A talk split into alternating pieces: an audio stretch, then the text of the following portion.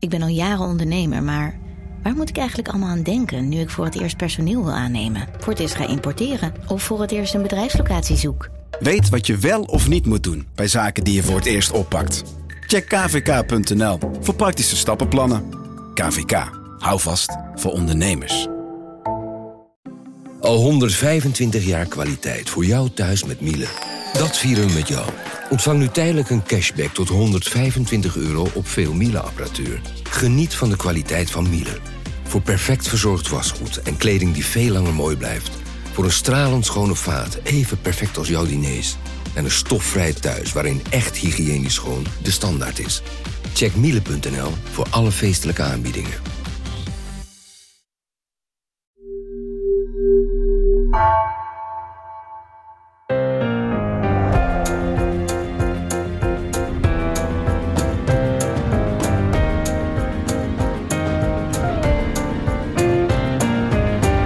Is Haagse Zaken van NRC. Mijn naam is Guus Valk. De snelweg als demonstratieplek, dat leidt geheid tot gedoe. Dat zagen we vorig jaar bij de boeren en dit keer bij de klimaatdemonstratie van Extinction Rebellion. De klimaatgroep Extinction Rebellion had opgeroepen om naar Den Haag te komen om te protesteren tegen overheidssubsidies voor fossiele brandstoffen. Eerder deze week werden alleen al voor dat oproepen mensen opgepakt. En vandaag ging het om ruim 650 arrestaties, zegt de actiegroep zelf. En dat bleken er uiteindelijk zelfs meer. 768 mensen werden afgelopen weekend aangehouden tijdens een protest op de A12. Dat was georganiseerd door de actiegroep Extinction Rebellion. In de dagen erop ontstond meteen fel debat over het ingrijpen door de politie. Waren de vele aanhoudingen wel proportioneel? De demonstranten hadden hun actie vooraf aangekondigd. Of waren ze juist uit op een arrestatie om zo het nieuws te domineren? En meet de overheid met twee maten als het om demonstreren gaat? Worden klimaatactivisten harder aangepakt dan bijvoorbeeld boze boeren of coronademonstranten? In deze Haagse zaken gaan we praten over demonstreren. We onderzoeken het demonstratierecht en proberen erachter te komen hoe eerlijk dat wordt toegepast. Je hoort hoe demonstranten de afgelopen jaren hun tactieken hebben veranderd en hoe het gezag daarmee worstelt. En dat doe ik met Wafa El Ali, sinds kort redacteur justitie op onze Haagse redactie, Volker Jensma, juridisch redacteur van NRC, en Karel Smouter, NRC-redacteur en auteur van het boek Blauw, Wit, Rood. Een uh, weerslag van uh, je zoektocht naar de oorsprong van het boerenprotest. Welkom allemaal. Hallo. Hoi. Hoi, hoi. Voordat we het hebben over het uh, protest van vorig weekend. Hè? Ik ben hier eigenlijk wel benieuwd naar. We hebben het over demonstreren, maar hebben jullie hier een persoonlijke link mee? Hebben jullie ooit ergens voor of tegen gedemonstreerd, Wafa? Ja, voordat ik uh, journalist uh, werd, heb ik zeker een aantal keren meegedemonstreerd. Een aantal keer met de Women's March. Dat is een um, protestbeweging die kort na de inauguratie van president Donald Trump is opgekomen. En volgens mij heb ik uh, ook wel meegelopen met demonstratie voor klimaat. En tegen zeg maar, het afschaffen van abortusrecht. Maar dat was nogmaals in mijn vorig leven.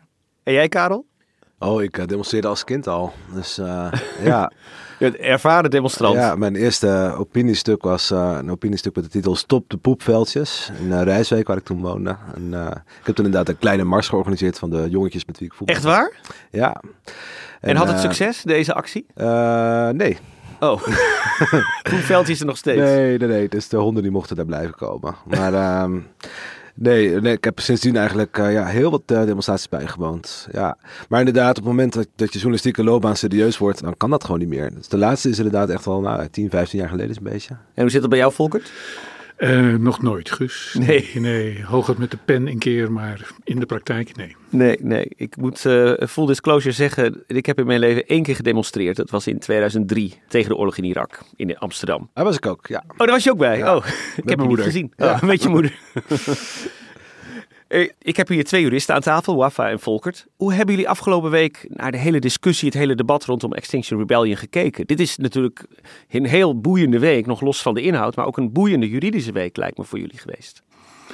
Uh, ja, het ging natuurlijk om een grondrecht. Dat wordt dan ook meteen in het debat gebracht. En dat is dus het moment dat de burger, de publieke opinie, naar juridische concepten grijpt.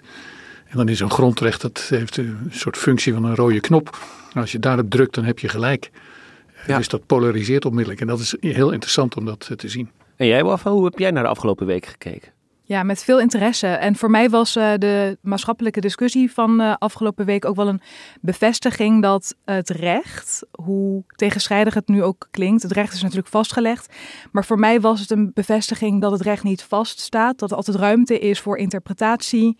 En aan de andere kant uh, is het me ook wel opgevallen dat ja, veel mensen die zich in het publieke debat hierover hebben gemengd, het recht toch ook wel als een zwart-wit ding benaderen. Dus dat was voor mij heel opvallend en interessant om uh, te zien. Ja, Karel, jij was eerder correspondent Oost-Nederland. Je bent actief als journalist uh, geweest bij het volgen van de boerenprotesten, de stikstofdemonstraties. Nu ben je redacteur maatschappelijk onbehagen bij de Binnenlandredactie. Jou kunnen we inmiddels wel een expert noemen op het gebied van demonstreren. Nou, ik heb altijd geleerd, als je als journalist een expert wordt, dan wordt het tijd voor een nieuw onderwerp. Zover is nog niet. Maar ik moet wel zeggen, ik vind het buitengewoon boeiend. Je ziet de aarde opwarmen en ook de debatten over wat eraan te doen, die opwarmen. Van links tot rechts. En uh, ja, ik vind het spannend om te zien uh, ja, wat dat ook in het recht inderdaad betekent. En in de perceptie uh, van het publiek. Dus ik volg het met interesse. Ja. Ja, en we gaan het vandaag ook hebben over de juridische kant, maar ook over die maatschappelijke kant. Hè, want heel veel dingen komen samen, denk ik, in de afgelopen week. Laten we beginnen bij die demonstratie van afgelopen weekend door Extinction Rebellion. Volkert, waar keken we naar? Wat gebeurde er rondom die demonstratie? Nou, die demonstratie die kwam vooral op het netvlies en in de publiciteit door wat er daarvoor gebeurde. Dat maakte het ook anders. Ik had uh, eigenlijk tot midden vorige week niet in de gaten dat die demonstratie er zou zijn. Er zijn er zoveel. Uh, maar dat er uh, zevental demonstranten wegens opruiing werden aangehouden en ook daadwerkelijk thuis opgehaald en naar het bureau gebracht. En daar vervolgens een uh, locatieverbod kregen en daarmee dus verhinderd werd om aan een demonstratie deel te nemen. Dat is iets wat we heel weinig zien. En dat trok breed de aandacht. Dat zorgde echt voor een golf ook van verontwaardiging in de sociale media en in de professionele media. En dat zorgde er dus voor dat er op die zaterdag echt veel meer mensen aanwezig waren dan uh, eigenlijk de harde kern waar Extinction Rebellion op mag rekenen. Het draaide allemaal om de vraag: mag je een snelweg blokkeren? Daar heeft de burgemeester van gezegd van tevoren: dat mag niet, uh, want dat is gevaarlijk. En daar heeft Extinction Rebellion aan vast willen houden. En dat was dus het grote wrijfpunt. Nou, uiteindelijk heeft de politie daar meer dan 700 mensen uh, fysiek weggedragen, aangehouden, in een bus gezet en weggevoerd. Die zijn, neem ik aan, ook allemaal bekeurd. Er stonden nou, honderden mensen omheen die er vermoedelijk anders niet geweest zouden zijn. En er was heel veel mediabelangstelling. En daarmee groeide dit dus uit tot niet alleen zomaar een demonstratie van klimaatactivisten, maar ook uh, stond daar in één keer op de agenda de vraag: mag je demonstreren of niet? En wat is dit? Kun je door het gezag ervan weerhouden worden om te demonstreren? Dus daar waren twee gevoelige thema's in één keer aan de orde. Ja, en dat is eigenlijk preventief uh, uh, oppakken van mensen die hè, mogelijk ook naar die demonstratie toe gingen. Je zegt dat is eigenlijk uniek. Waarom gebeurde dat eigenlijk? Omdat het Openbaar Ministerie uh, hun uitlatingen in sociale media kwalificeert als opruiing. Namelijk het medeplegen van een strafbaar feit. En dat strafbare feit is dan het blokkeren van de snelweg. En daar draaide de discussie uiteindelijk om mag dat onderdeel uitmaken van een legitieme demonstratie of niet? Ja. En mag de burgemeester daartegen optreden of niet? Dan wel mag je, als je dat doel hebt dat Extinction heeft, en dat is protesteren tegen fossiele subsidie, dus de subsidie op brandstoffen, mag je dat dan doen op een snelweg. Ja, want hey, jij beschrijft de situatie vooraf ook. En dat er dus een soort van reuring ontstond eigenlijk rondom die demonstratie. En er dus ook veel meer mensen naartoe gingen dan uh, vooraf gedacht. Ja. Um, dan denk ik ook, Wafa, van de burgemeester zag misschien ook wel een openbare ordeprobleem. In die zin dat er een snelweg geblokkeerd wordt. En misschien moeten er wel ambulances langs of kan er misschien een uh, ongeluk gebeuren of wat dan ook. En er komen veel meer mensen op één plek samen bij de A12, bij Den Haag, uh, dan uh, misschien vooraf rekening mee gehouden. Was er ook sprake van een openbare ordeprobleem, denk je? Dat is inderdaad altijd wel uh, waar de burgemeester uh, rekening mee moet uh, houden. En hij stelt dus dat als hij de demonstratie op die gewenste snelweg had toegestaan, dan hadden er gevaarlijke verkeerssituaties kunnen plaatsvinden. Tegelijkertijd heeft burgemeester Jan van Zanen van Den Haag ook geprobeerd om met Extinction Rebellion in contact te komen. Om dus afspraken te maken. Dat is gebruikelijk. Als er een demonstratie wordt aangekondigd, dan kan de burgemeester in gesprek treden met de organisatoren van de demonstratie, gewoon om praktische afspraken te maken. Extinction Rebellion heeft daar geen gebruik van gemaakt, heel lang, omdat ze de burgemeester van tevoren al hadden horen zeggen dat hij het sowieso niet zou toelaten op de Utrechtse baan. En zij zagen dus geen hel in een gesprek. Je, kunt je dus afvragen stel Extinction Rebellion was wel op tijd in gesprek gegaan met de burgemeester, misschien dat er dan toch iets mogelijk zou zijn gebleken. Maar dat weten we niet. Ook omdat burgemeester van uh, Zanen dit niet heeft laten doorschemeren dat er een uh, compromis mogelijk was. En overigens wel even goed om te melden van die 768 uh, eh, klimaatactivisten die zijn aangehouden. vrijwel allemaal waren ze binnen een paar uur weer vrij. Hè? Het is niet zo dat ze achter slot en grendel verdwenen. Ja, ze zijn volgens mij allemaal opgevangen in een sporthal waar dan hun aanhouding werd geregistreerd. En een heel groot deel van hen is uh, dezelfde dag nog uh, vrijgelaten. Zondagmiddag zaten er in elk geval twee nog vast. En volgens mij zijn die inmiddels weer op uh, vrije voeten gesteld. Maar ze zijn nog wel verdachten, toch? Ja. Ja. ja. Er kunnen boetes komen, er kunnen strafbladen komen. Het kan consequenties hebben. Ja. ja. En er speelt ook nog een andere uh, rechtszaak. Dat gaat over de activisten die dus voor de uh, demonstratie zijn opgepakt. Die hebben nu ook een zaak aangespannen bij de rechtbank Den Haag. Omdat ze stellen dat dat uh, gebiedsverbod onrechtmatig was. Een van de activisten heeft zijn uh, gebiedsverbod trouwens um, overtreden. Hij was zaterdag aanwezig bij de demonstratie. Is toen nog een keer aangehouden. De andere activisten die hebben zich daar wel aan gehouden, maar vechten het uh, alsnog aan bij de rechter. En uh, de rechtbank Den Haag buigt zich medio februari over deze kwestie. Nog even over het blokkeren van een snelweg. Waarom daar en waarom een snelweg? Nee, Extinction Rebellion zegt het heel belangrijk te vinden om in de buurt van het ja, gezag te demonstreren. En de Utrechtse baan was voor hen een symbolische plek, omdat het tussen het tijdelijke uh, Tweede Kamergebouw zit en het ministerie van Economische Zaken. En nou ja, zoals je ook al eerder zei, de klimaatbeweging demonstreert onder meer tegen fossiele subsidies. Dus die plek was symbolisch, uh, dicht bij de Tweede Kamer, centrum van de macht. En ik heb ze niet horen zeggen, maar aan de andere kant kan je ook zeggen, ja, je gaat op een snelweg zitten, omdat daar ook gewoon, denk ik, voertuigen rijden die vaak op fossiele uh, brandstoffen functioneren. Dat is zelf wat ik dacht. Van, dat zou je misschien ook nog een, als een extra argument uh, kunnen gebruiken. Dat het verband houdt met ja, het maatschappelijke een, doel. Het was een symbolisch geladen plek. Dus het maakt echt onderdeel uit van hun boodschap, die plek. Laten we eens even naar kijken, naar die blokkade en ook naar de nasleep ervan. En eigenlijk ook wat er vooraf gebeurde. Het ging al heel snel over het gevoel dat veel demonstranten hadden dat ze ongelijk behandeld waren. Ja. Even terug naar het begin. We hebben het in de Haagse zaak wel eens vaker besproken. Maar misschien Volkert, kun jij uitleggen, hoe zit het met het recht op demonstratie in Nederland? Nou, dat uh, staat sinds 1983 pas, zou je zeggen, eh, in de grondwet. Althans met zoveel woorden. Ik zal het er even bij pakken. Het recht tot vergadering en betoging wordt erkend, behoudens ieders verantwoordelijkheid volgens de wet. Tweede lid luidt dan dat de wet regels kan stellen ter bescherming van de gezondheid, het belang van het verkeer en ter bestrijding of voorkoming van wanordelijkheden. Dus het is al meteen een recht waar bepaalde beperkingen op van toepassing zijn. Nou, dat is sinds 1983 en ik heb nog wat teruggezocht. En dan kom je uit in 1798, eh, dat is dan de eerste vermelding. Toen heette het nog het recht op vergadering. Ik vind het echt leuk, ja. Dat was de Bataafse Republiek, denk ik? Ik vermoed het ook, ja. Het is te leuk om niet even voor te lezen. Iedere burger heeft het recht om met zijn medeburgers te vergaderen ter onderlinge voorlichting. Ter opwekking van vaderlandsliefde en ter nauwer verbindenis aan de staatsregeling. Dus dat is een hele brave opsomming. Het ligt inderdaad eeuwen af van wat er op de A12 gebeurde. Stel, hè, ik wil demonstreren. Wat moet ik dan doen? Nou, dan is de eerste vraag, uh, Guus, wil je dat in je eentje doen? uh, want als dat het geval is, dan kun je gewoon je gang gaan. Ja, ik denk, mijn zaak, daar, daar breng ik geen mensen voor op de been, dus dat zal ik alleen moeten doen. Nou, niks aan de hand. Ga, ga je gang. Dat mag gewoon. Dat mag gewoon. Ik mag nu de straat op en een demonstratie beginnen. En je begint een demonstratie en je maakt lawaai. Uh, je stoot onwenselijke geluiden uit. Je hebt een aantal uh, beledigende teksten op een bord bij je en dat is dan uh, toegestaan. Dat is toegestaan, oké. Okay. Nu wil wordt... ik met een groep. Ik, heb, ik blijk allemaal mensen toch, ze blijken het met mij eens te zijn. Ja, en nu willen wij samen demonstreren. Ja. Ja, dan moeten wij dit aanmelden. En dat is een belangrijk woord, uh, want aanmelden is iets anders dan toestemming vragen. Dus je, hoeft alleen naar de burgemeester te gaan. Dat is dan meestal een politiekantoortje of op het stadhuis of zo. En dan moet je zeggen, ja, ik wil zaterdag van 2 tot 4 wil ik bij het standbeeld van Jan-Pieter Sankoen een demonstratie houden met 30 man. met spandoeken en dat duurt van 2 tot 4. En we hebben versterkt geluid bij ons.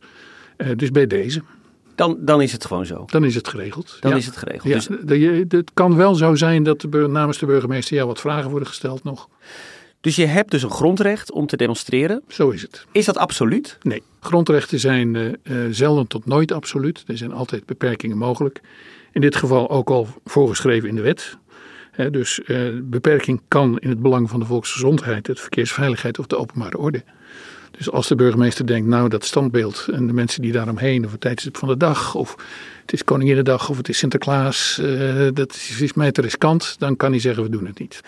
Er zijn dus wel inperkingen mogelijk. Ja. Een burgemeester kan zeggen, nou, uh, Volkert en Guus willen hier op het Rokin, want we nemen het in Amsterdam op, uh, demonstreren. Maar dat gaat niet gebeuren. Nee, inderdaad. die mogelijkheid is er. Dan kunnen we in bezwaar. En in beroep. En dan? Dan moet de burgemeester uitleggen of de beperkingen die hij heeft aangelegd, of die voldoende onderbouwd zijn, uh, of die uh, voldoende overtuigend zijn, of er inderdaad het belang dat hij zegt te dienen, of dat inderdaad bestaat. Uh, dus de, de, rechter toetst dat dan en die kan dus dan dat verbod weer afwijzen. Jan van Zanen, de burgemeester van Den Haag, besloot dus wel om die demonstratie te verbieden. Wat was daar de ratio achter? Nou ja, nogmaals, uh, hij vond de gekozen plek van Extinction Rebellion, de Utrechtse baan. Dus dat is bij de A12 uh, als je uh, Den Haag binnenrijdt. dat vond hij gewoon een te drukke plek. het zou te gevaarlijk worden. En hij had twee andere plekken voor ogen, die hij dus aan de klimaatbeweging wilde voorleggen. Dat is vrijdag dus ook gebeurd. De dag voor de demonstratie, dat, toen ze met elkaar in gesprek gingen. Hij zei, nou ja, anders gaan jullie uh, op de flyover boven de Utrechtse baan demonstreren. Dat is ook uh, de plek waar die steundemonstratie heeft plaatsgevonden. Ja, dat is een soort van tegendemonstratie op het besluit van het OM om die activisten te arresteren. Van Zanen zei, anders ga je ook daar staan. Ik heb al toestemming gegeven voor die steundemonstratie. Dat wilde Extinction niet. Toen zei hij, anders uh, ga je gewoon een optocht houden door de stad. Ook goed. En Extinction die wilde dat ook niet. En uh, de redenering van Extinction is, we hebben ons al een aantal keer weg laten stoppen in de stad. Op het Malieveld en andere plekken. We zien dat we ons doel nog steeds niet uh, bereikt hebben. Dus we willen echt op een veel centralere plek demonstreren. En ook nog eens voor onbepaalde tijd. En dat was voor de burgemeester ook een lastige kwestie. Vaak als demonstraties worden aangekondigd, dan ja, is daar gewoon een tijdslot voor bedacht en afgesproken. En Extinction zei nee, wij blijven vastgeplakt aan de snelweg totdat de regering haar beleid wijzigt. En de gemeente dacht, ja, dat is onwerkbaar. Dus die demonstratie op de Utrechtse baan gaat pertinent niet plaatsvinden. Is het ook zo dat Extinction Rebellion deze locatie graag wilde omdat het zo'n disruptief karakter heeft? Als je op die flyover gaat staan, dan heb je een gewone demonstratie, zal ik maar zeggen. Dan heb je gewoon een groep mensen bij elkaar. Nu werd natuurlijk het autoverkeer geblokkeerd. Mensen zaten daar vastgeplakt op de weg. Het had natuurlijk veel meer impact waar ze stonden. Zeker. En Extinction Rebellion, als je naar die organisatie kijkt, zij staan het idee van burgerlijke ongehoorzaamheid voor. Dat is uh, ja, geen juridisch uh, concept, maar een moreel concept. Wat uitgaat van, nou ja, soms moet je de wet breken om een punt, een heel belangrijk maatschappelijk punt te maken. Dus nee, je hebt gelijk. Het is ook gewoon onderdeel van hun strategie. En mocht de burgemeester dit doen? Mocht hij dit verbieden? Mocht hij zeggen, ga, ga daar maar staan of daar maar staan en anders verbied ik het? Ja, op het moment dat de burgemeester zich over een aangekondigde demonstratie gaat buigen, heeft hij zeker de ruimte om een uh, afweging te maken. Of die afweging rechtmatig is, dat is aan de rechter. Nou ja, dat, het grappige is dat er nota bene over het verbod om te demonstreren op een snelweg, eh, dat daar internationale jurisprudentie over bestaat. Dat kwam dan ook meteen naar boven. Dus uh, op een gegeven moment uh, werd er ook op televisie gesproken over het Europese Hof. Dat gebeurt nooit. En dan in het bijzonder over uh, een uitspraak uit 2015 tegen een aantal boeren uit Litouwen. Ehm, die boeren die waren veroordeeld door de strafrechter omdat ze bij een demonstratie, waar ze zich netjes voor hadden geregistreerd, uitgeweken waren naar een snelweg. Dat was dus niet afgesproken. En daar was de Litouwse overheid boos over geworden in de afloop. Uh, en die hadden die boeren daar voor de strafrechter gedaagd en ze een uh, straf gegeven. En die boeren vonden dat dat een uh, te grove inbreuk op hun recht op demonstratie. Die vonden dat ze dat mochten, dat dat erbij hoorde. En dat die beperking van de overheid dus uh, onrechtmatig was. Nou, daar heeft het, uh, het Hof zich twee keer over uitgesproken. Eén keer gewoon in de meervoudige Kamer, en, maar ook één keer in de Grote Kamer, omdat de uitspraak best wel ingrijpend was. En die laatste uitspraak, Kudrevicius tegen Litouwen, daarin kreeg de Litouwse overheid gelijk. Die zeiden dus dat de beperkingen die de, uh, de overheid aan de boeren had opgelegd, dat die rechtmatig waren dat die wet die ze daarvoor hadden, dat die een legitiem doel diende, dat het optreden proportioneel was, dat de beperkingen goed omschreven waren, dat er een sociaal dringende noodzaak was voor die beperkingen, et cetera, et cetera. Maar ook, en dat vond ik dan weer interessant, kregen de boeren het verwijt dat er het middel dat ze kozen, namelijk die blokkade van een snelweg, eigenlijk niet in een duidelijk verband stond met het doel dat ze wilden bereiken. Want ze wilden namelijk hogere prijzen. En dat heeft niks met een snelweg te maken, want daar reed iedereen. Dat heeft ook geen verband met hogere prijzen. En toen dacht ik, nou, als je dat goed beluistert, dan eh, hebben onze vrienden van Extinction daar een argument. Want dat stukje snelweg, het einde van de A12 in Den Haag, dus precies tussen het parlement en het ministerie van Landbouw en VNO-NCW zitten en de Kamer die zit er, een symbolische plek. Verkeer dat gaat over fossiele brandstof. Er is hier wel degelijk een inhoudelijk argument om die snelweg daar op dat moment te mogen blokkeren. Dus het zou mij verbazen als dit wordt uitgeprocedeerd dat ze dit niet zouden kunnen winnen. De vraag is natuurlijk wanneer worden wel en wanneer worden niet beperkingen opgelegd, hè, Volkert? Uh, In dit geval was de burgemeester heel eager om dat te doen, maar dat is natuurlijk niet altijd zo. Nou, ik vind burgemeesters de laatste jaren wel heel erg oplettend hoor. Dat is ook iets wat uh, de Nationale Ombudsman de afgelopen tien jaar toch al twee keer heeft uh, geconstateerd. Uh, dat het gezag bepaald niet uh, spontaan en open en dienstbaar is aan burgers of aan actiegroepen die willen demonstreren. er wordt heel goed opgelet. er worden, worden, vrij snel en ook vrij belastende voorwaarden gesteld. het is echt ingekaderd. Je mag demonstreren, maar voor je het weet, dan sta je inderdaad tussen vier dranghekken op een afgeschermd veldje ver buiten de gemeente waar uh, Zwarte Piet binnentrekt met Sinterklaas. Of je mag een half uurtje ergens staan. Of, nou ja. Hoe verklaar jij die assertiviteit van burgemeesters? Ik vermoed toch wel uit de polarisatie in de samenleving. Hè. Iedereen voelt dat de tegenstellingen scherp zijn. De burger is mondig. Actiegroepen die maken hun aanwezigheid ook heel duidelijk kenbaar. En dat wordt gevoeld als een bedreiging van de openbare orde. Dus dat openbare orde element, hè, waar dat de burgemeester dus mag beschermen, dat wordt uh, te pas en soms ook wel te onpas wordt dat uh, te hulp geroepen. Dus het inkaderen van demonstraties, het bureaucratiseren van het proces van aanmelden, het stellen van voorwaarden, uh, dat is echt een, eh, een, een hele duidelijke praktijk geworden de laatste jaren. De reden dat er activisten vooraf werden opgepakt, hè? unieke situatie, we hadden het net al even over. Wat is de formele grond om mensen op te pakken die eigenlijk nog niks hebben gedaan? Nou, uh, ja, althans, in dit geval vond het OM dus dat ze wel wat gedaan hadden. Uh, had weliswaar niet direct betrekking op de betoging, maar zij zouden zich aan opruiing schuldig hebben gemaakt. En dat kennen we wel vaker. Het gevolg van het oppakken was dus vervolgens dat ze wel in hun vrijheid werden beperkt en dus niet naar die demonstratie mochten. Maar juridisch zouden ze dus een strafbaar feit al hebben gepleegd.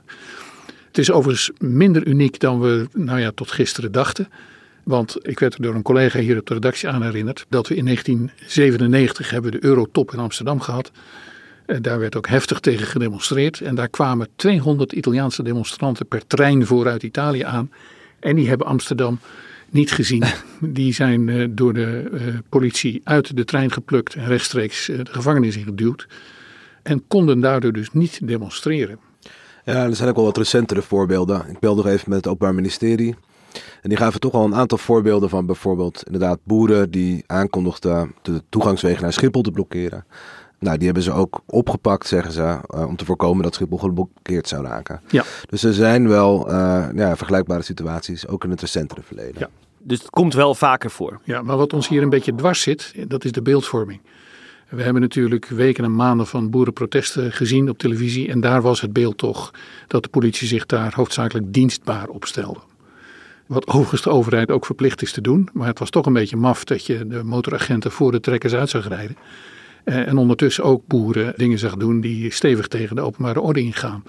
Het provinciehuis aanvallen, uh, brand stichten uh, rondom de woning van de minister. Actie voeren. Allemaal dingen die ernstig verstorend zijn. En dan vervolgens zie je de klimaatactivisten die een stukje snelweg willen blokkeren en dan toch vrij snel en vrij acuut ook worden aangepakt. En dat was dus wat het grote contrast was. Worden zij nou anders aangepakt dan de boeren? En als je er beter naar kijkt, dan valt het best wel mee. Want? Nou, wat Karel zegt, de boeren zijn ook aangepakt. De boeren zijn ook voor de rechter gebracht. Uh, alleen het politieoptreden was achteraf. Dat is het grote verschil.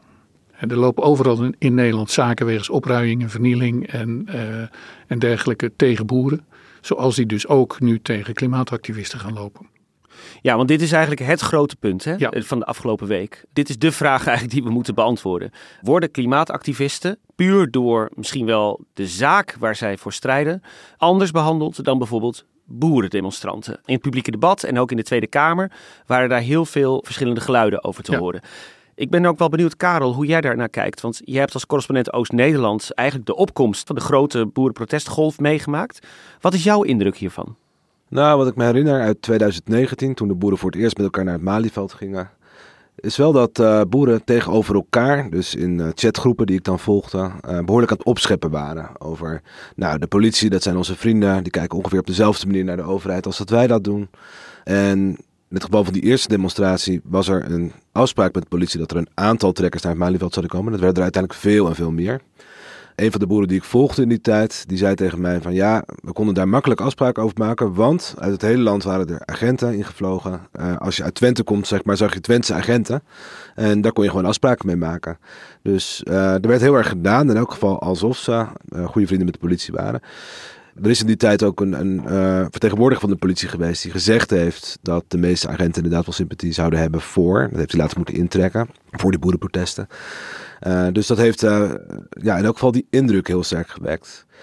Ja, je kunt je afvragen uh, of um, het nou zo erg is dat de politie in gesprek is met demonstranten. Dat is zou je zeggen, ook wel onderdeel van de Nederlandse traditie. Hè? Ik herinner me ook nog dat uh, de Dam vol stond met Black Lives Matter demonstranten. Toen was het deel van Nederland dat het daar niet mee eens is. Um, nou, ontzettend boos, want de coronaregels werden overtreden. Nou, het was net weer een, een strenge periode. En Femke Halsema, die zou dat allemaal hebben toegelaten. Terwijl toen het argument was, en het argument wordt ook wel bij de boeren gebruikt, van het is deescalerend. Hè? Het moment dat je als politie mensen vriendelijk bejegent, in plaats van meteen met de wapenstok. Dus daar kun je ook wel verschillende manieren, kan je naar kijken, denk ik. En wat was jouw indruk als je op boerenprotesten was? Hoe was de, de verhouding tussen demonstranten en politie over het algemeen? Ik zou niet willen zeggen amicaal, maar wel, uh, ze waren in gesprek. Dus uh, dat was wel mijn indruk. En uh, er werden afspraken gemaakt van, joh, als je me nou eventjes vrij baan nageeft, dan, dan rijden wij met z'n allen daar naartoe. En een beetje dat soort gesmoes en gekonkel, zeg maar. Dus er werd overlegd. Ja, dat, dat is wel een indruk die ik heb gekregen tijdens die demonstraties.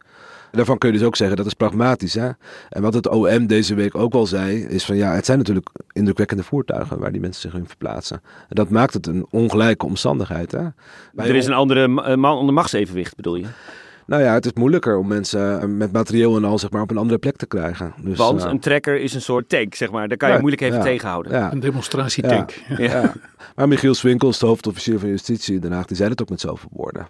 En dan kies je dus een andere strategie, zeggen zij. Uh, de strategie van de de-escalatie. Dus dus dan klopt het eigenlijk ook weer wel, wat, uh, wat Volker net zei. Hè? Dus zeg maar, uh, ja, maar bij de boeren, er... waakzaam bij de Extinction Rebellion uh, Ja, er zijn verschillende strategieën gevolgd. Maar achteraf zijn er dus wel degelijk ook inderdaad aanhoudingen verricht bij boeren dat argument van uh, zo'n trekker kan gevaarlijk zijn en boeren schuwen ook geen uh, geweld uh, bij demonstraties. Dat gaat dan niet op bij de mislukte demonstratie van Kick-Out Zwarte Piet van afgelopen november. Toen zij Staphorst probeerden te bereiken en bij de snelwegafrit door vijandig publiek werden geconfronteerd. Dat vijandige publiek is niet met trekkers of tractoren gekomen. Ze waren zwart gesminkt, ze hadden brandstof meegenomen. Er stond heel veel politie omheen, ook ME. Ja. En niemand is toen opgepakt. En, uh, zijn er dus zeg maar, ook die twee onderzoeken gaande naar hoe dat gegaan is. Klopt. En, uh... Maar ik wil gewoon, want dat is wel wat critici, onder meer Controle Alt Delete. Dat is een uh, organisatie die zich inzet tegen etnisch profileren en politiegeweld. Die zegt dus van ja, juist wat er bij Staphorst gebeurt, wekt dan wel de schijn dat er sprake is van ongelijke behandeling. Ja, maar ik herinner me ook inderdaad uh, de bus op weg naar Friesland, die inderdaad uh, staande werd gehouden met uh, de blokkeervriezen. Die op weg naar Dokkum was toen bij de intocht van Sinterklaas. Ja. ja. En het verwijt dat de ander een voorkeursbehandeling krijgt, zeg maar, komt uit alle kanten. Hè? Dus iedereen verwijt elkaar eigenlijk. Dus dat maakt het wel ingewikkeld. Ik denk in het geval van Staphorst ben ik heel benieuwd wat die onderzoeken gaan opleveren. Ja. Want er lijkt bij politie ook wel het gevoel te bestaan dat in ieder geval hun informatiepositie niet helemaal goed was. Hè? Dus, ja, en de inspectie Justitie en Veiligheid heeft dus ook los van het politie onderzoek op eigen initiatief besloten om ook uh, dat politieoptreden in Staphorst te onderzoeken, omdat er zoveel maatschappelijke onrust over is ontstaan. En dan los van uh, Staphorst, er is ook gewoon veel maatschappelijke onrust over de status van het demonstratierecht. Volkert noemde dat net ook al. De Nationale Ombudsman signaleerde dit al in 2018, dus nog voor de coronaprotesten, de aandacht uh, hier, weer hierop hebben gevestigd. En Amnesty heeft het afgelopen november bijna in exact dezelfde bewoordingen uh, gesignaleerd in hun rapport. Dus dat is wel, uh, nou, wel goed dat de inspectie Justitie en Veiligheid dan zegt: nu willen wij zelf kijken wat er aan de hand is. En uiteindelijk gaat het ook om beeldvorming. Hè? Zo plat is het ook. We hebben die beelden van die trekkers uh, en, die, en die branden en die opstanden hebben we natuurlijk op het netvlies. En we hebben gezien dat de politie daar vooral begeleidend was. En dan krijg je dus die beelden van ja, zeven activisten die van een bed worden gelicht. En dan 700 man die in bussen worden gesleept. En dat ziet er gewoon anders uit. En dan zie je dus inderdaad wat Karel zegt, dat het OM eigenlijk toegeeft dat de boeren met hun trekkers een uitdaging vormden. Nou, dat is natuurlijk een prachtig eufemisme. uh, dat, dat betekent dat men tot op zekere hoogte daar machteloos was, maar toch wilde handhaven. En dat gebeurt dan op een andere manier. En daarin heeft het OM ook vrijheid. Hè? We hebben hier het opportuniteitsbeginsel. Het is niet zo dat alles wat er fout is en wat er mis is, dat het ook vervolgd moet worden. Dus het gezag mag daarin ook de ene keer wat meer vooruitleunen en de andere keer wat meer achteruit. Ja, ik sprak deze week ook bij het College voor de Rechten van de Mens. En die zeiden ook van ja, artikel 1 gaat erover of je in gelijke gevallen gelijk behandeld uh, wil worden. Ja. Maar er is al heel snel geen sprake meer van een gelijk geval in demonstraties. Er zijn altijd omstandigheden die net anders kunnen zijn. Ja, ik bedoel, Extinction, dat is een overzichtelijke groep die naar één punt wil. En daar vandaan ook weer vertrekt. Boeren komen overal vandaan. Nou, dan heb je al een groot probleem. En ze hebben die grote machines. Nog een groter probleem. Dus dat vraagt om een andere benadering. Maar dat is, hè, oh, dat zeg ik nu even als leek. En ik zit hier in een kamer met twee juristen. Dat is toch niet hoe het recht werkt? Het recht houdt toch geen rekening met of het, of het logistiek ingewikkeld is? Of en het recht verplicht je om in ieder geval gelijke resultaten te boeken. Maar het recht verplicht je niet om dat altijd precies op exact dezelfde manier te doen als de norm maar intact blijft. Eh, en de norm is dat je dus als er gevaar ontstaat, als er voor het verkeer of voor de volksgezondheid of voor de openbare orde, dat er dan gereguleerd mag worden. En de rechter toetst dat. Nou ja, je ziet ook wel dat boeren zijn, ja, je zou kunnen zeggen boeren slim in hoe ze hierover communiceren. Hè? Mark van de Oever van Farmers Defence Force, die heeft het altijd over, we gaan optoeren of nou ja, we gaan in beweging komen. Hè? Rond corona had je de theedrinkers op het Museumplein. Ja. Uh, het is een heel kat-en-muisspel natuurlijk tussen demonstranten en justitie. Ja. En opvallend aan de klimaatactivisten is dat ze meteen heel duidelijk zijn over hun intenties. En dat roept ook wel de vraag op of in zekere zin de arrestaties niet de bedoeling zijn. Een, een vette streep eigenlijk onder het punt dat ze willen maken. En, uh, Want het punt is dan?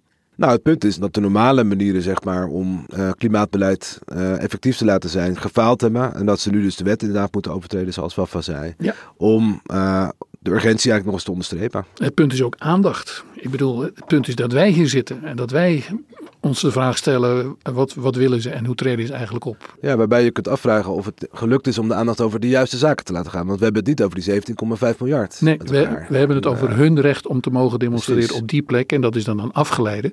Maar dat afgeleide gaat dan volgens mij uiteindelijk toch weer wel over die fossiele subsidie. Ook een begrip dat voor die tijd uh, nog niet zo heel erg in ons hoofd zat. Nee, dat is een, frame dat ze echt hebben geïntroduceerd de afgelopen weken. Ik heb wel het gevoel dat ze het, het playbook van de boeren wel vrij goed hebben gevolgd. Dus meer een guerrilla-tactiek, niet zoveel samenwerken met de politie. En, en de boeren die ik volgde zeiden dat zij het weer afgekeken hadden van uit Zwarte Piet. Dus, Ja, want dit is, dat is een interessant punt. Hè? dat, dat je soms het gevoel hebt dat het niet toevallig is dat boeren snelweg blokkeren en vervolgens klimaatactivisten dat ook doen. Dat bepaalde manieren van actie voeren, door groepen die inhoudelijk ver van elkaar afstaan, toch van elkaar worden afgekeken. Omdat ze merken dat het misschien wel werkt. Ja, en het is natuurlijk hoe... in een soort aandachtseconomie, zeg maar, zoals we die nu hebben, een voortdurend gevecht om de aandacht. Um, mensen weten ook inderdaad dat hoe media werken, daar zijn we natuurlijk ook deel van.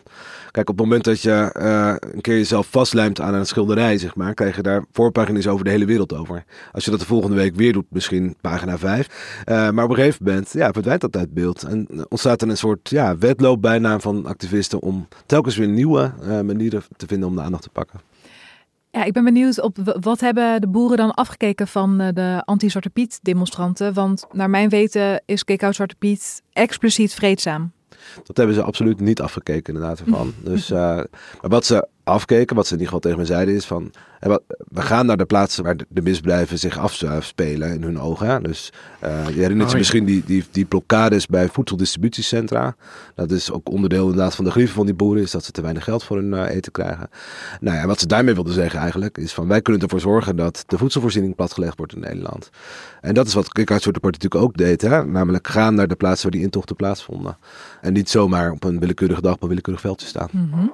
Maar ik vind uh, Kick-Out Zwarte Piet juist ook heel, hoe zal ik het zeggen, heel redelijk en heel volgzaam. Doordat ze alles wat ze willen doen, eindeloos van tevoren bespreken. Ja. Ze gaan echt heel uh, model eigenlijk gaan ze naar de politiekantoren en de stadhuizen van tevoren om aan te melden en te overleggen. En ze laten zich keurig in ieder vakje duwen waar ze mogen staan. Uh, ja. En daar heeft volgens mij hebben de boeren totaal geen zin in. Ik nee, dat moet ook ten hemel schrijend zijn inderdaad. Om dan inderdaad uiteindelijk Staphorst niet eens binnen te komen. Op het moment dat je alles inderdaad netjes uh, volgens de regels hebt gedaan. Dus uh, zelfs meer dan de regels voorschrijven dus. Ja, zeker. Want uh, ik had Jerry Afrije, dat is de oprichter van uh, Kikhout Zwarte Piet, afgelopen november gesproken. Naar aanleiding van het debakel bij Staphorst. En hij vertelde me ook dus dat, dat ze in de voorbereiding met de gemeente ook echt verschillende scenario's voorleggen. Gebaseerd op hun ervaringen van eerder. Van luister, dit kan gebeuren of dit kan gebeuren en hier zou je zo op kunnen reageren. Dus wat Volkert inderdaad zegt, ze, nou ja, ze komen heel goed uh, voorbereid en het is ook in hun belang dat ze zich aan de regels houden, omdat er ja, ook zo met zulke met argusogen naar ze wordt gekeken in het maatschappelijk debat. Is, is het grote verschil niet ook dat een kick-out Zwarte Piet demonstrant zich ook zorgen moet maken om de eigen veiligheid. En uh, iemand die aan een boerendemonstratie meedoet, of misschien ook wel Extinction Rebellion demonstratie, daar minder over hoeft na te denken? Zou goed kunnen. Ja, de boeren die ik spreek zeggen dan wel weer van ja, wij hebben daar af en toe ook mee te maken. Er zijn uh, groepen dierenactivisten die erf betreden. Bijvoorbeeld in mei 2019 een Bokstel, 73 activisten uit de hele wereld die een uh, stal betraden. En daar wordt dan vaak op gewezen, zo van we moeten wel, we moeten onszelf verdedigen. Farmers Defence Force is zelfs opgericht in reactie op dat soort erfbetredingen. Ja. Dus uh, kun je overigens stellen dat er meer wordt gedemonstreerd dan uh, vroeger, zeg 2003 Irak. Jij weet dat misschien Lafayette cijfers geloof ik uit ja, Den Haag. ik had in elk geval cijfers uh, voor de stad Den Haag. Dat is natuurlijk uh, het politieke centrum van Nederland waar mensen vanzelfsprekenderwijs het liefst hun punt willen maken. En een demonstratiedeskundige die ik van de week heb gesproken gesproken, Berend Roorda van de Rijksuniversiteit Groningen, vertelde dus dat in de voorbije jaren uh, in Den Haag ongeveer 2000 uh, keer per jaar is gedemonstreerd. En burgemeester uh, Jan van Zanen heeft dat getal ook bevestigd in een brief. En dat was 20 jaar geleden ongeveer 350 keer per jaar. Dus dat is wel meer dan vervierdubbeld. Dus ja. in Den Haag ja. alleen. En die demonstratiedeskundige, Berend Roorda, vertelde dus dat het ook wel opgaat voor Amsterdam. Dat Amsterdam ook wel met zulke verdubbelingen is geconfronteerd. De evolutie van uh, demonstreren is wel heel interessant. Want ik noemde net de Irak-demonstratie van 2003. Dat was nog eigenlijk een klassieke demonstratie. Zoals je die in de jaren 80 ook had. Hè, tegen kernwapens of ja, uh, tegen alle... Deetman, herinner ik me nog. Ja. Um, uh, de, gewoon een grote menigte op de been brengen. En die gaat dan op het Malieveld staan met een spandoek en een geestige leus. En hoe meer mensen, hoe groter de aandacht voor de, voor de zaak is. En om vijf uur gaat iedereen weer naar huis. En het was een genoeglijke middag. Precies, ja. terugkijken hoe, jij, hoe jouw demonstratie Het lijkt nu veel meer gericht op uh, disruptie, op uh, iets opvallends doen. Het hoeft niet eens met heel veel mensen te zijn, heb ik soms de indruk. Uh, een kleine groep kan ook heel goed het nieuws halen. Hoe is dit zo veranderd? Hoe is de aard van actievoeren, van demonstreren zo veranderd? Heeft dat kunnen gebeuren? Ja, ik denk dat je dan uh, toch naar de opkomst van sociale media moet kijken. Een gemiddelde demonstratie trekt niet meteen cameraploegen, maar je kunt het zelf filmen, je kunt het online gooien. En hoe explosiever die filmpjes, hoe meer uh, reuringen en ophef. En uiteindelijk gaan wij van de professionele media er dan uiteindelijk ook over berichten. Dus dat is een factor. En ik denk ook dat de urgentie van de thema's zeg maar, toeneemt. Ik bedoel, het is elke dag een stukje dichter bij 2030. Uh, de klimaatdoelstellingen moeten worden gehaald. En dat motiveert de klimaatactivisten om als het ware te escaleren. Hè? Een soort escalatieladder te belopen. Interessant is wel dat in Engeland Extinction Rebellion gezegd heeft, en daar is het ooit begonnen, van wij kiezen voor het komende jaar in elk geval voor een andere methode. Dus wij gaan toch wat meer de grote publieksgerichte acties doen. Ook omdat er ja, wetgeving dreigt in Engeland die het moeilijker maakt voor die nieuwe vorm van demonstreren om uh, je gang te gaan. Dus, uh, Wat is publieksgerichte actie voeren? Nou, uh, een grote groep mensen op de been krijgen, uh, sympathie wekken bij het grote publiek. Want er komt natuurlijk een punt waarop je zeg maar de manier waarop je punt maakt, zo tegen de borst van het publiek stuit. Dan hebben de boeren mee te maken, dan hebben de, de klimaatactivisten mee te maken. Dat je als het ware je doel voorbij schiet. En uh, daar tonen die actievoerders zich ook wel weer van bewust. Dus ja. hè, er zijn twee scenario's. Of het wordt steeds extremer en het gaat op deze manier door.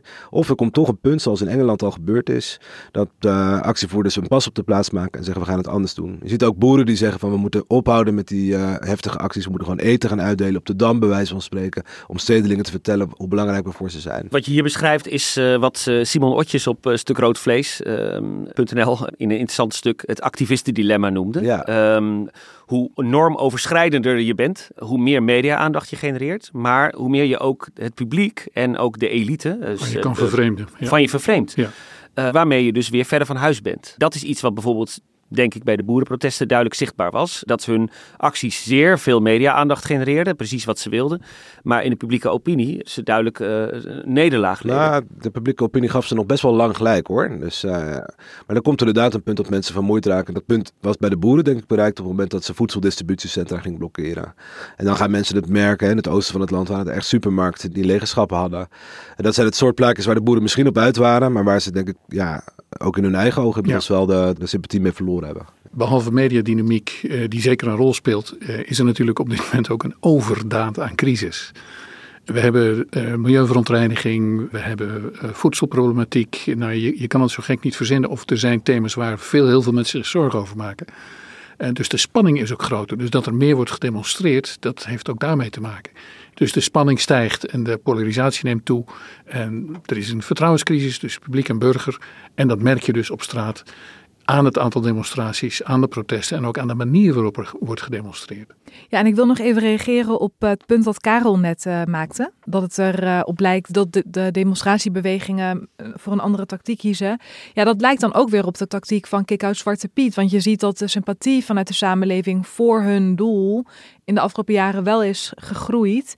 En dat zal denk ik deels ook wel te maken hebben met het feit dat de samenleving heeft gezien dat Kikau Zwarte Piet nou ja, dat op een fatsoenlijke manier probeert te doen.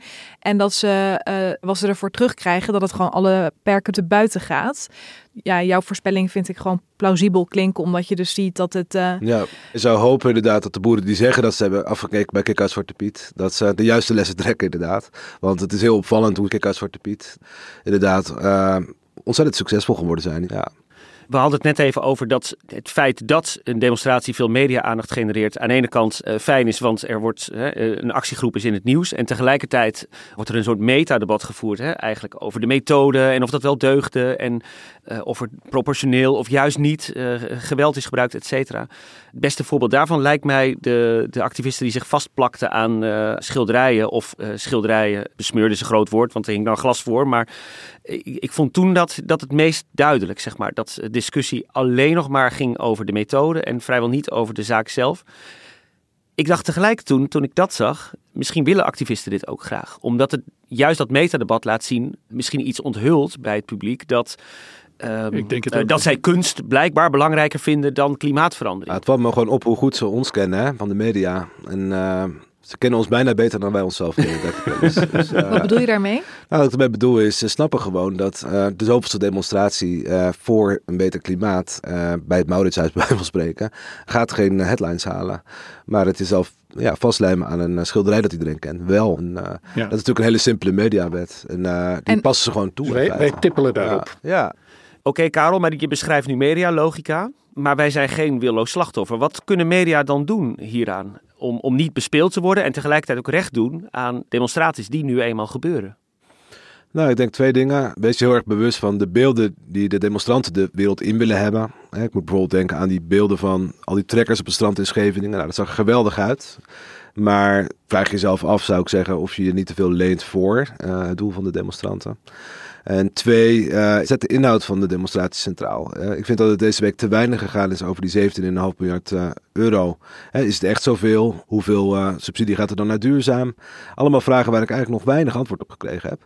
volgens mij zouden we de, de acties van demonstranten juist moeten zien als een aansporing om juist ook de inhoud centraal te stellen. Als we dus merken, Volker, dat aard van demonstraties zo verandert en de manier waarop demonstranten van hun demonstratierecht gebruik maken. Wat is het antwoord van het gezag, van burgemeesters, van OM, van politie daarop? Nou, die worden zenuwachtig. En niet ten onrechte, want ze zien de tegenstellingen verharden. Ze zien het aanbod aan demonstraties voor, uh, dat het steeds groter wordt. Ze zien dat de tegenstellingen groter worden. Ze zien dat er geweld dreigt. Ze zien dat er opeens trekkers verschijnen. Dus men vraagt zich in de grijze vergaderkamers van het gezag vraagt men zich af hoe moeten we hiermee omgaan. Werkt het model dat we hebben, dat is echt een poldermodel met netjes aanmelden en afspreken en daar gaan staan en niet te veel lawaai maken en, en niet te veel hinder, wel een beetje hinder, maar niet te veel. Gaat dat nog wel werken? Of komen we in een situatie waarin iedere actiegroep dan balanceren tussen wat ze in de media willen zien, uh, hoe ze zich ten opzichte van het gezag willen gedragen en hoeveel boetes ze willen riskeren. Eh, komen wij daar nog wel mee klaar. Hebben burgemeesters daar onderling ook over? Vast en zeker. En spreken zij ook misschien strategieën af? Goeie vraag. Ik weet het niet, maar ik durf er wel ja op te zeggen. En er gebeuren ook gewoon rare dingen. Ik wil je toch één anekdote vertellen. Er is net vorige week, eh, heeft de burgemeester van Horen bakzeil gehaald. Uh, die had een demonstratie van een actiegroep die tegen het standbeeld van Jan Pieterszoon Koen op de Grote Markt wilde protesteren die had hij aan 23 beperkende voorwaarden gebonden. Ik durf ze niet allemaal op te noemen, maar nou, je kan het zo gek niet verzinnen of het mocht niet. Daar is tegen uh, bezwaar gemaakt bij de rechter. En de burgemeester heeft bakzeil gehaald en heeft gezegd van ja, dat had ik zo niet moeten doen. Maar dat is dus wel de houding. En een demonstratie is een risico en degene die, die zich komt melden, nou die gaat naar huis met een ordner vol met voorschriften. En dat heeft ze langste tijd gehad, denk ik. Wat zou daar een antwoord op kunnen zijn? Wat is dan een moderne manier om om te gaan met deze nieuwe vorm van demonstreren? Nou, uh, voor een deel zien we het al. Hè. Dus de aanpak van de boeren was vrij flexibel, nogal pragmatisch. Ik zou maar zeggen veel operationele wijsheid. Dus niet confronteren, niet met je panzerrupsvoertuigen van de marechaussee uh, een oorlog beginnen met een, een, een trekkerkolonne. Maar dingen laten gebeuren en ze achteraf proberen te beteugelen.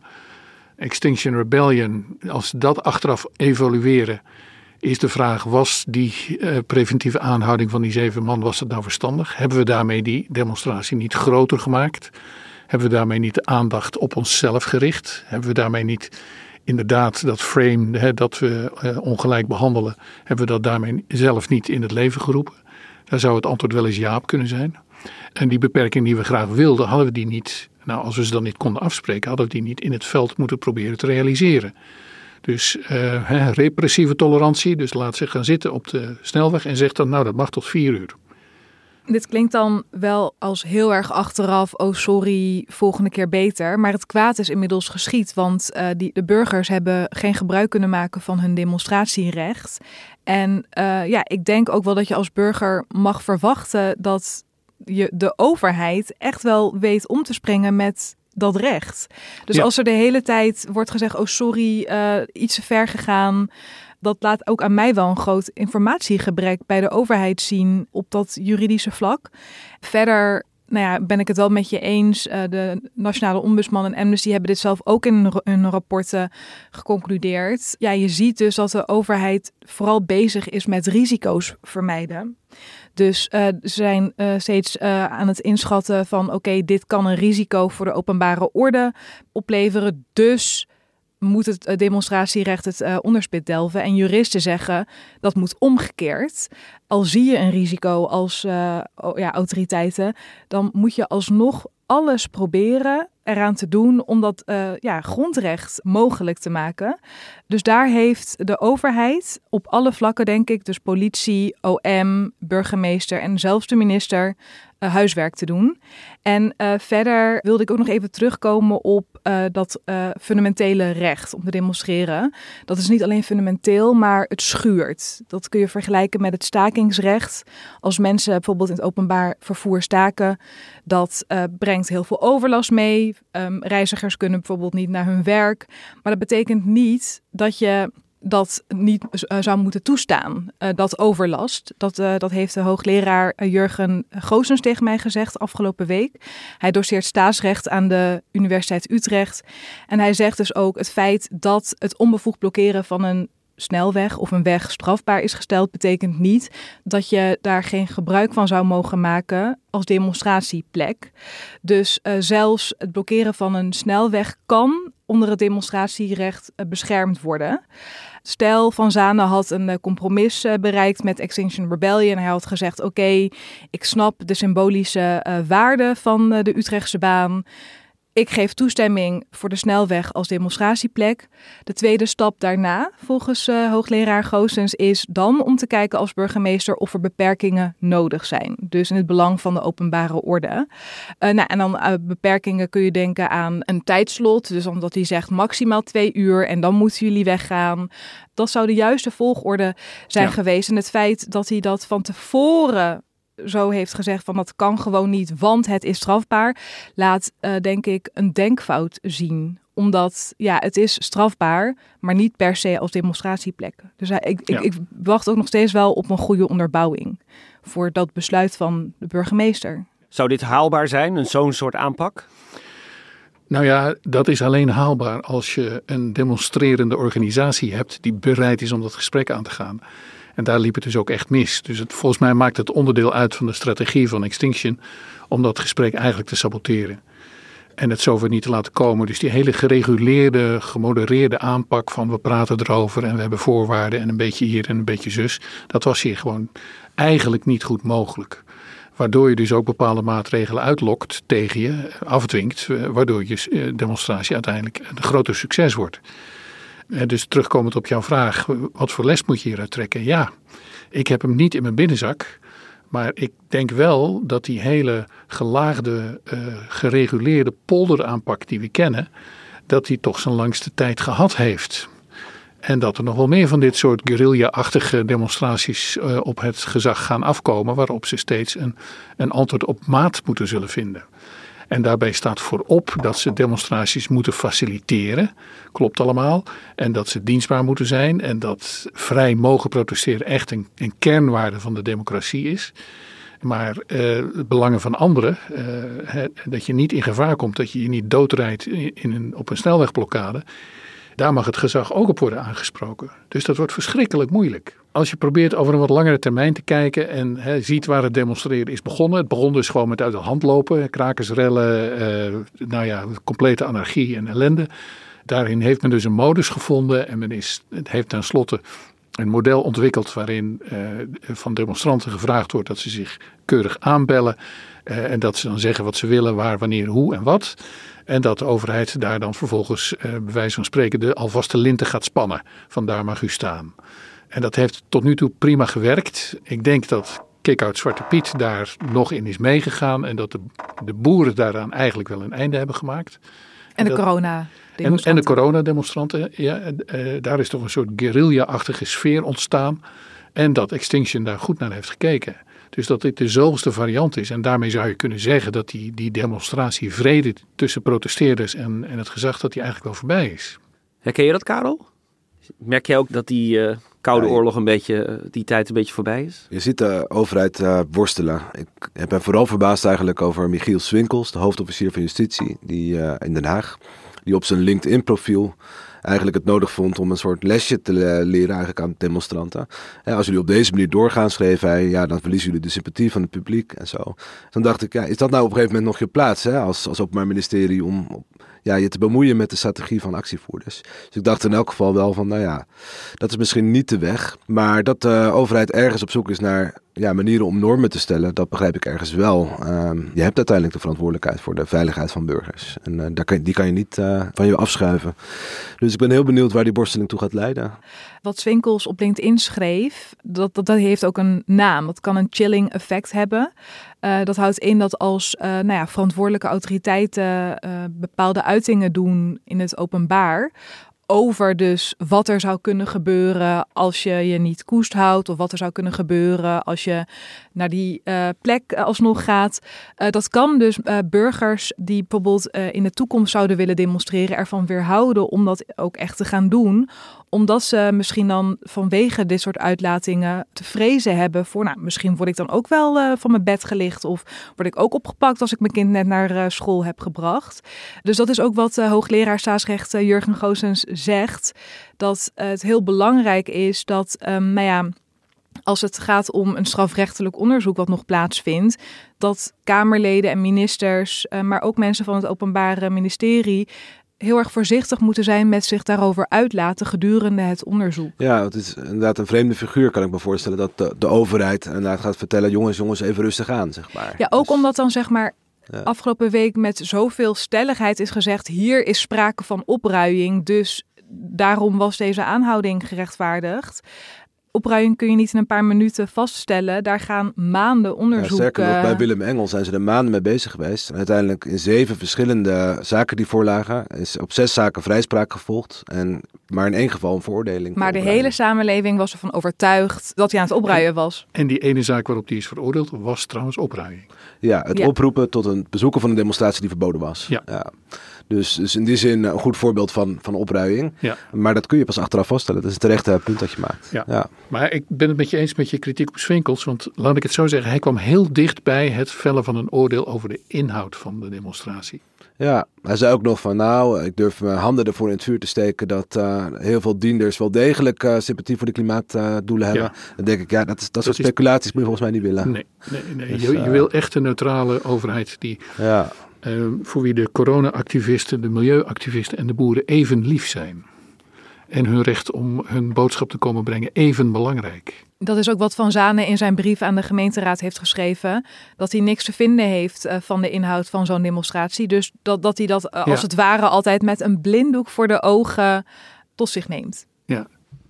Nou ja, in ieder geval is Extinction Rebellion nog lang niet klaar. Die gaan door met hun uh, acties. Hun volgende blokkade van de A12 is gepland op 11 maart. Dat is vlak voor de provinciale statenverkiezingen. En er zijn ook weer allerlei eh, boerenprotesten te verwachten, meen ik, hè, Karel, de komende tijd. Ik sluit het niet uit, nee, nee. Maar ik denk wel dat ze ons steeds blijven verrassen. Dus uh, dat zie je ook. Ze blijven naar nieuwe manieren zoeken eigenlijk om, uh, om de aandacht te vinden. De tijd van het aanmelden, dat is voor, voor mensen zoals, zoals wij, denk ja. ik. ja. Voor mijn eenmansdemonstratie, die is echt voorbij. Ja. En de Tweede Kamer gaat nog debatteren over uh, deze kwestie op uh, verzoek van de Partij voor de Dieren. Omdat uh, Christine Teunissen van de Partij voor de Dieren zei dat zij dat als een ernstige inperking van het demonstratierecht zag. Een grappig detail is dat zij steun kreeg van Forum voor Democratie. dat ook vindt dat het demonstratierecht erg onder druk staat de laatste tijd. En dan kijken zij natuurlijk vooral naar de coronademonstranten. Ja. Dank jullie wel, Wafa El Ali, Volkert Jensma, Karel Smouter. En jij ook weer bedankt voor het luisteren. De redactie en productie van deze aflevering waren in handen van Ignaas Schoot en Vita van Lennep. Montage door Pieter Bakker. Volgende week zijn we er weer. Graag tot dan. Technologie lijkt tegenwoordig het antwoord op iedere uitdaging. Bij PwC zien we dit anders. Als we de potentie van technologie willen benutten, kunnen we niet zonder een menselijk perspectief. Human-led, tech-powered noemen we dat. Ga naar pwc.nl.